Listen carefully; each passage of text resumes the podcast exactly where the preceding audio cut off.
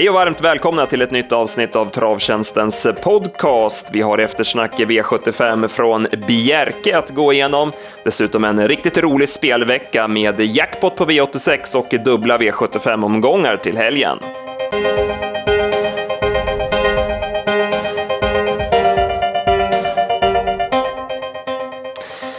Namn är Andreas Henriksson, med mig har jag P.A. Johansson. Ja, P.A. vi börjar direkt med Bjerke va? och eh, V75s första avdelning där vi trodde på Farouk BR, men han kom inte förbi Darko från start och sen var det galopp i första sväng. Mm, precis, det såg ut som han skulle spetsa lätt, men så hann Darko få fart på sina långa ben och höll eh, hovarna där och sen fånga upp honom och sen ville ju Oleg köra i spets, så det förstår man ju med den där ospidiga hästen och då var det lite fel för Farouk som, som hoppade då som du säger. Men sen såg han jättebra ut, det blev totalt fel i varenda situation i loppet sen för hans del. Medan Berg som satt eh, i närheten då valde en annan väg och det löste sig toppbra för honom. Så att, eh, vi tar med oss eh, Farouk BR men eh, han var ju oplacerad den här gången så istället vann ju Making Love. Ja, precis. Berg körde ju invändigt med Making Love och det löste sig perfekt. Lucka i sista sväng och sen fångade han in Once for All Face på linjen.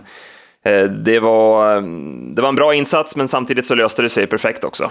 Ja, precis. Det var nog... Eh, han är bra, Making Love, men han är ingen eh, utpräglad stayer, så jag tror att det var det här han behövde för att vinna. Och formintrycket var i alla fall bra på honom. En som jag har oflyt i de här lite större loppen, V75-loppen, är ju Perfect King. Nu valde ju Örjan att ta dödens inför slutvarvet och eh, han såg ju klar ut när han galopperade i sista sväng. Ja, precis. Eh, ja, men han hade ju vunnit, det är jag övertygad om. Men det är som om man tappar fokus eh, på något vis där och rullar över när han har avgjort loppet. Så att, det är en bra häst, men det är lite att jobba på. V75s andra avdelning och här var Aileron favorit, men han hade en dålig dag. Han var ju trött tidigt och det måste ha varit någonting som inte stod rätt till där. Ja, ja, precis. Även om man eh, inte kunde svara den där vildsinta körningen från start är väl sin sak, men sen att han är slagen efter ett varv, det, det förstår ju alla att, att det var något fel på honom. Den, den, eh, han såg ju som vanligt väldigt rullig ut i provstarten, det var lite diskussion på tvn där om han var sämre än vanligt eller inte. Jag tyckte väl han såg ut ungefär som vanligt, det var inte så oroande, men prestationen var ju inte bra. Nej, han brukar se ut som en myrslok i loppen och han var väl ännu lägre den här gången. Han var precis, hängig alltså. Ja, precis. Ja, nej, det var inget bra. Det blev istället eh, Dan Shelley som vann loppet. Eh, Olof Mickelborg körde ju snävt mot eh, Per-Oleg Mittfält i första sväng och lyckades då ta sig till ledningen och eh, sen höll han undan till slut eh, före Trinity Lux. Ja, Dan Shelley är ju alltså en häst som man har Eh, haft lite koll på. Han har varit aktuell varje gång han har kommit till Sverige, men han har visat brutalt dålig löpskalle tidigare. Alltså, nu har man bytt miljö och hela Mickelborgs stall har bytt gård och eh, man har lagt om träningen lite grann. Och han är som en ny häst. Han, han gjorde, ja, det blir lite smolk den där grejen i första sväng, men annars prestationsmässigt är han ju kanonbra hästen. Den som jag tar med mig från hela omgången är Great King Wine. Han tyckte jag såg ruggigt bra ut. Eh, det vart ju fel, Örjan valde ju invändigt eh, runt sista sväng och fick ju aldrig chansen sen. Eh, hade Örjan tagit utvändigt om Björn, för Björn satt ju kvar där sex, eller runt sista sväng med Windy Amick, då kommer han ju upp i rygg på Monfalcone runt sista kurvan och då kommer han ju längst ut i banan det är inte säkert att han hinner fram till seger, men jag tror att han är minst tvåa om han tar i högertummen istället för vänstertummen runt sista kurvan, Örjan. Ja, han såg ju verkligen bra ut och det är också en häst som har, som har hittat eh, en jättefin form så här på höstkanten. Han var riktigt bra näst senast på Axevalla också. Det blir ju så, hade det löst sig och han hade fått luckan och vinner, loppet så blir han ju geniförklarad, Örjan. Det är, de här gångerna när det blir fel, det blir mindre uppmärksammat. Ja, precis. Det är det, det nämns inte så mycket om, så är det. Nej, men jag, jag, gillar verkligen kurvan på hästen i alla fall. Den där kan bli riktigt spännande framöver. Mm, jag håller med, absolut. Trinity Lux hade ju också lite sparat. Han gick ner invändigt eh, eh tusen när Eileron stannade, så att, eh, sen fastnade han. Så att, eh, han travar rätt så bra den här gången, tycker jag. Sen går vi till gulddivisionen och eh, loppet blev kört som de flesta trodde med Rocky Winner till spets, släppte till Lionel och eh, sen vann eh, den norska stjärnhästen enkelt. Mm, ja, han gjorde det bra. Det gick rätt så fort sista varvet. Och han, han klev ju undan. Han, jag hade 9,5 sista åtta på honom. Han eh, hade tydligen tappat något boots under vägen och medan Antonsson vinkade till publiken så blev Lionel lite rullig. Men, men han har ju skalle hästen och, och, det var ju först efter mål som han galopperade. Så det var, det var nog ingen större fara med det. Utan, ja, men han var fin och han visade uppåtgående form. Mm. Frankrike i, i vinter för hans del, det blir spännande att följa. Ja, precis. Och sen nu när, eh, vi kommer väl till det lite senare, men när uppladdningen för Bold Eagle inte är den bästa så är ju han eh, alltså aktuell i Prix d'Amérique. Han har ju varit med och, och kämpat i de där loppen tidigare år och eh, jag tror inte att han är sämre i år. Det känns inte som det i alla fall. Nej. Zenit Brick gick bra igen, kom ju loss i sista kurvan och spurtade in bra som tvåa och han startar ju igen på lördag. Mm, ja, han, han är som en maskin, Zenit Brick, tycker jag. Han gör, gör jättebra hela, hela tiden. Men intrycket i loppet var väl ändå Cad Griff, han såg ju otroligt bra ut. Det var en invändig resa och det exakta första varvet så det är klart att han ska ha krafter kvar men som han såg ut över mållinjen. Det, det tar i alla fall ja, du, hade, du hade någon klocka på honom va? Nio sista åtta hade jag på honom. Japp, Nej, där har vi en sån som vi absolut ska ta med oss. Ja, precis. Det var ju lite snack om, eller det var väl mer från Mantorp man önskade att han, han hade något 3 och 6 lopp där på söndag. Jag har inte sett några anmälningslistor, så vi får se om han dyker upp på Mantorp eller inte. Mm. Ja, det var häftiga proppar i alla fall till Mantorp där såg jag. Mm, mm, det där absolut. Ultra loppet där på 3 och 6 och sen var det ja. ju ett storlopp, storeliten där på 2 och 6 också. Mm, eh, mm. det, ja, det. det, gillar man just på Mantorp också som är lite speedwaybana, att de ja, istället har lite utslagsgivande distanser istället. Så att, nej, de listorna har inte kommit än, men det blir spännande att se. Mm, ja, precis. V75s fjärde avdelning och eh, vi trodde mycket på Sil Kronos och eh, han infriade våra förväntningar. Det var en eh, stark avslutning av honom. Det blev ju också bra kört här. Det var ju våldsam körning när Always On Time pressade sig till ledningen. Det var ju under 07 första 500 hade de på banan och ja, det ju bra åt Sil Kronos, men han behöver inte skämmas för sin insats. Det var ju ändå fjärde spår runt sista kurvan. Ja, precis. Hästen är ju, den, den har ju väldigt, väldigt hög kapacitet, Silkronos. Han funkar ju inte riktigt hundra. Han bryter ju väldigt mycket och nu funkar det rätt så bra runt svängarna tyckte jag, men så bröt han ju ner på upploppet så att Örjan fick ju mer eh, koncentrera sig på att styra innan än att, liksom, än att köra mm. på honom. Ja, det var det, bra att han kunde släppa ner honom ja, ett spår på upploppet. Precis. Där. Ja, precis. Nej, det, det, men det, det, kan hända att det kommer, för att man har ju gjort någon knäoperation där och att eh, när, när hästen börjar förstå att han inte har de här problemen längre, att det kan, det kan bli bättre och bättre. För en spännande häst är det ju utan tvekan. Den moraliska vinnaren var ju Jefferson.com. Han höll ju otroligt tappert, var med i körningen och var ändå två i mål. Ja, vilken prestation. Den, den såg man inte komma, men den, den var riktigt bra. Alltså. I övrigt från det här loppet, var det någonting du tog med dig? Nej, det var ju körningen där att eh, det låg ju visserligen i, i papperna att det skulle bli stenhård körning, men att eh, det var ju lite häftigt ändå att man testade storfavoriten som hade vunnit spetsstriden då, jag tänker på Global Takeover, men att man provade, testade honom en gång till och, och då var Kristoffer tvungen att släppa. Va? Så att, eh, det, var ju lite, det var ju roligt, det var ju uppfriskande med den körningen. Sen går vi till V75s femte avdelning och här blev det ett galopp på favoriten Nobel Amok som rullade över in i första kurvan och sen galopperade han igen, så att han var inte i ordning. Det var som på Solänget där när han galopperade upprepat också. Banan var ju lite lös, jag vet inte om det var det som fällde honom eller vad det var. Nej, precis, det är svårt att säga. Jag tyckte annars att han såg, det såg bra ut från start, han svarade utom ut dem lätt och sådär. Men sen så blev han ju mer och mer rullig och så gick det inte att hålla honom i trav. Det, det, ja, det är svårbedömt, men, men han kommer säkert tillbaka om någon vecka eller så. Så var det ju efter Solänget. Det blev ju galopp på även Fotolavecchi där samtidigt som när Nobel Amok skulle tas ut i banan där. Jag vet, jag vet mm. inte om mm. det var snävt, men Tom-Erik Solberg gav Berg en lång blick i alla fall såg jag. Ja, det såg väl ut som han blev åtminstone generad till den galoppen. Han, bruk, han är väl lite lättstörd i svängarna sådär också, Fotolavecchi. Så det var väl en kombination. Ja, istället vart det en skräll här. Triton Nergård, han var faktiskt spelat på under 1 procent, 0,94 procent. Eh, han gick från att varit lite draghäst gången innan till att bli jätteskräll, men han hade ju ett svårt utgångsläge också. Ja, så är det ju. Det är ju det är en bra häst, men man var kanske lite besviken på honom senast ändå på på Jägers då, men nu löste det sig väldigt bra. Jeppe Juhl är en vass kusk och han letar sig igenom väldigt bra från start. Och sen så, så avvaktade han lite grann på sista långsidan när Björn gjorde draget med Heartbreaker VS och det, tror jag var, var segergivande för då kunde han runda fram i rygg på Heartbreaker V sen runt svängen. Så att, eh, snygg styrning och eh, ja, en riktig skräll på mm. V75. Don't Mind Me såg det ju länge bra ut, han kunde köra sig till ledningen men han var ju en besvikelse. Ja, jag tycker det också. Nu gick han, ja, det, han hade tydligen skor bak då ser jag nu, men det var ju sagt bara för att ta runt om då. Det kanske gör den här äh, procenten, gör honom de här procenten sämre. Jag vet inte, men jag, som du säger så var han faktiskt en besvikelse igen.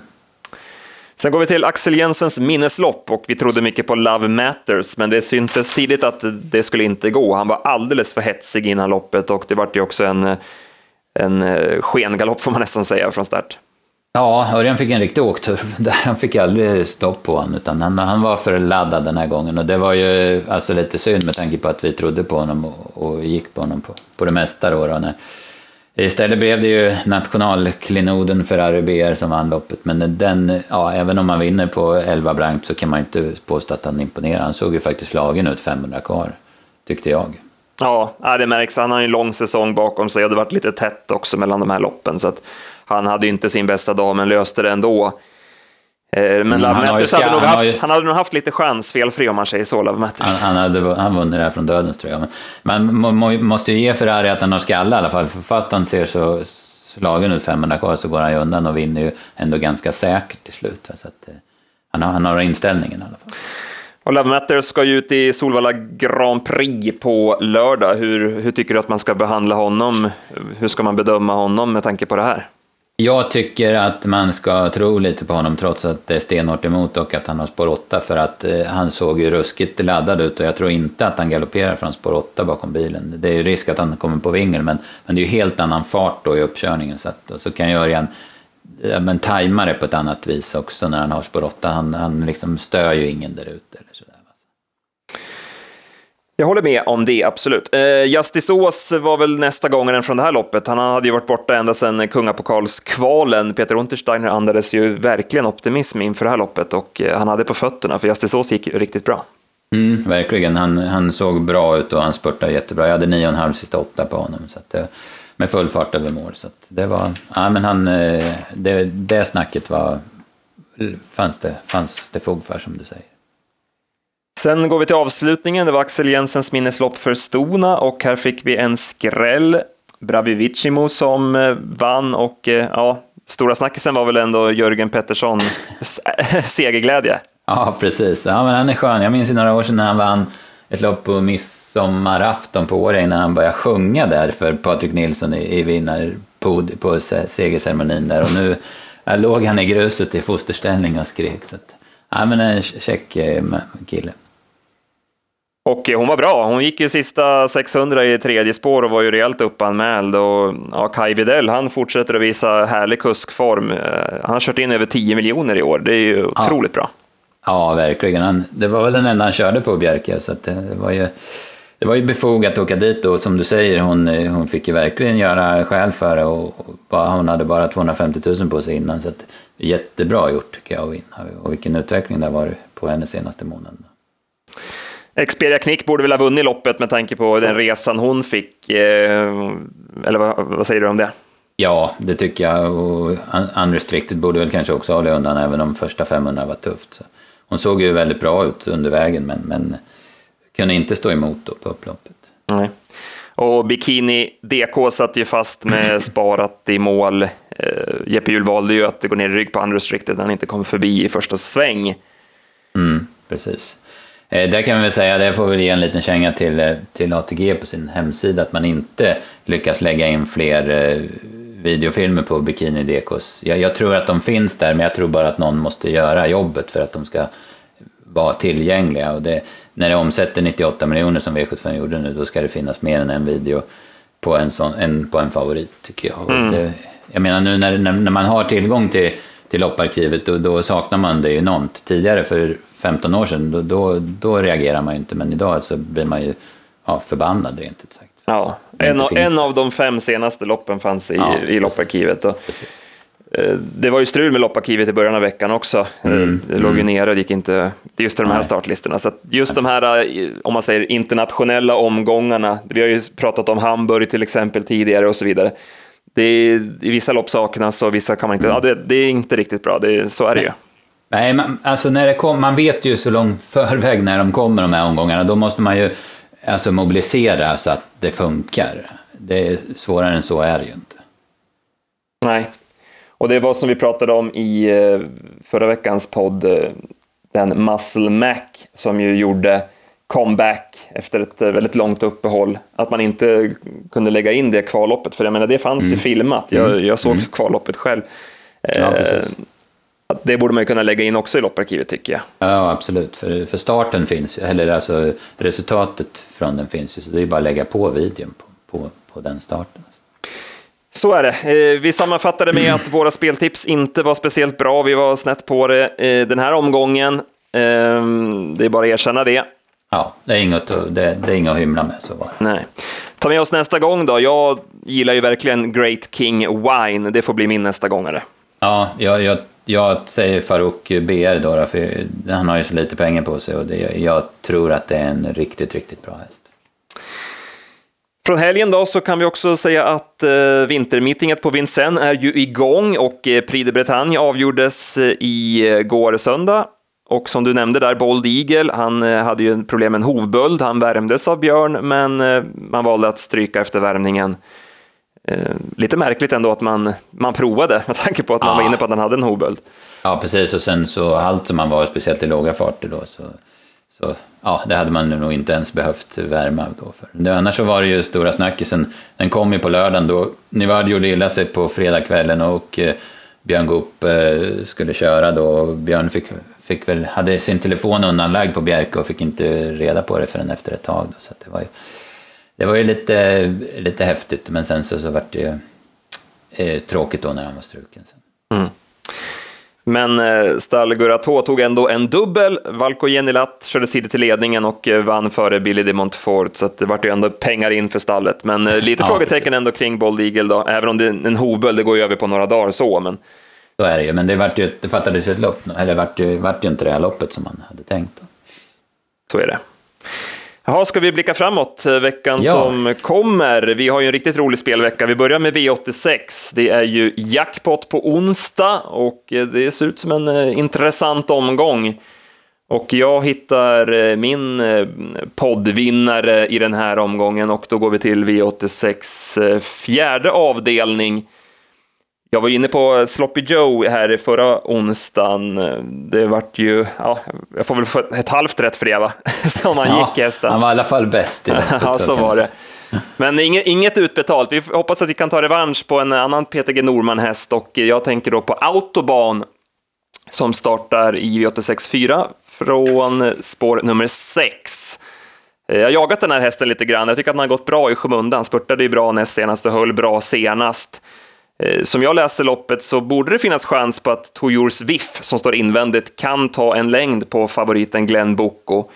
Glenn Boko har haft innerspår en gång tidigare och kunde då inte försvara upp ledningen. Så jag hoppas på det scenariot och att eh, Toyours Viff släpper då ledningen till Autobahn som bör kunna följa med bra utvändigt där jag tror inte att man kör Toyors Wifi spets på full väg mot de här hästarna. Och vi minns ju Autobahn, han vann, spetsvann ju på Gävle i våras på V75 och var ju riktigt bra då, så han funkar ju riktigt bra i spets.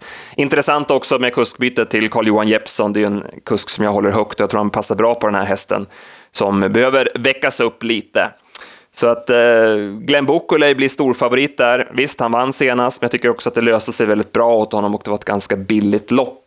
Så att det är ingen stjärna tycker jag. Så jag hoppas att eh, Tour Swift som sagt kan ta en längd på Glenn Boko och att Autobahn då får följa med ner och överta. Då måste det vara bra chans.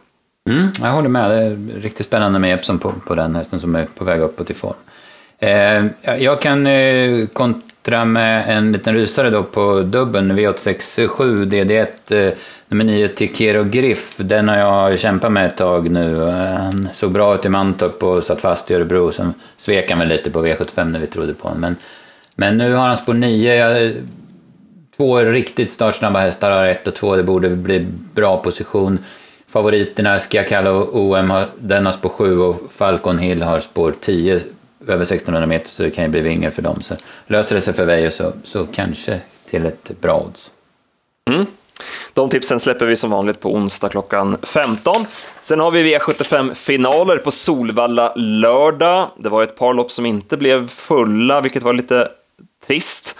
Ehm, men lite info kan vi väl ändå bjuda på här. Jag tänker i V75s fjärde avdelning, det är ju klass 2-finalen. Jag pratade med eh, vår kollega Dennis Palmqvist som eh, åkte till Färjestad i fredags och skulle sela ut Minnestads El Paso, men det fick han inte göra för att där valde man att ställa in tävlingarna. Jag pratade med Dennis om det och eh, han menar att banan var helt bottenlös i första kurvan. De aktiva var upprörda över banan redan klockan 16, men att man väntade till klockan 19 med att ställa in tävlingarna. Eh, så det vart ju inget bra och det var inte första gången som det strulade för Färjestads eh, bana, eh, om man säger så. Nej, jag tror det var tredje gången på 12 månader nu, så det, det, är väl den som har, som har ställt in flest tävlingar på senaste året i alla fall. Så där har man ju lite att jobba med. Men man får ju ny banmästare nu från första december, det, det, det kanske kan hjälpa upp det. Mm, Marcus Hultman tillträder då och man skulle även ta lite hjälp av banmästaren på Bjerke, eh, hörde jag. Men mm. det är väl ändå en banomläggning som skulle behövas göras. Det är ja, ju... så är det ju. Det, det är ju bara att släcka bränder nu på, på många banor i Sverige eh, när, när man försöker ja, fixa det för stunden så att säga. Det, det som krävs är nog en, en stor investering på de flesta av banorna, men de pengarna finns ju inte. Så att, eh, ja, det, det är problem. Mm.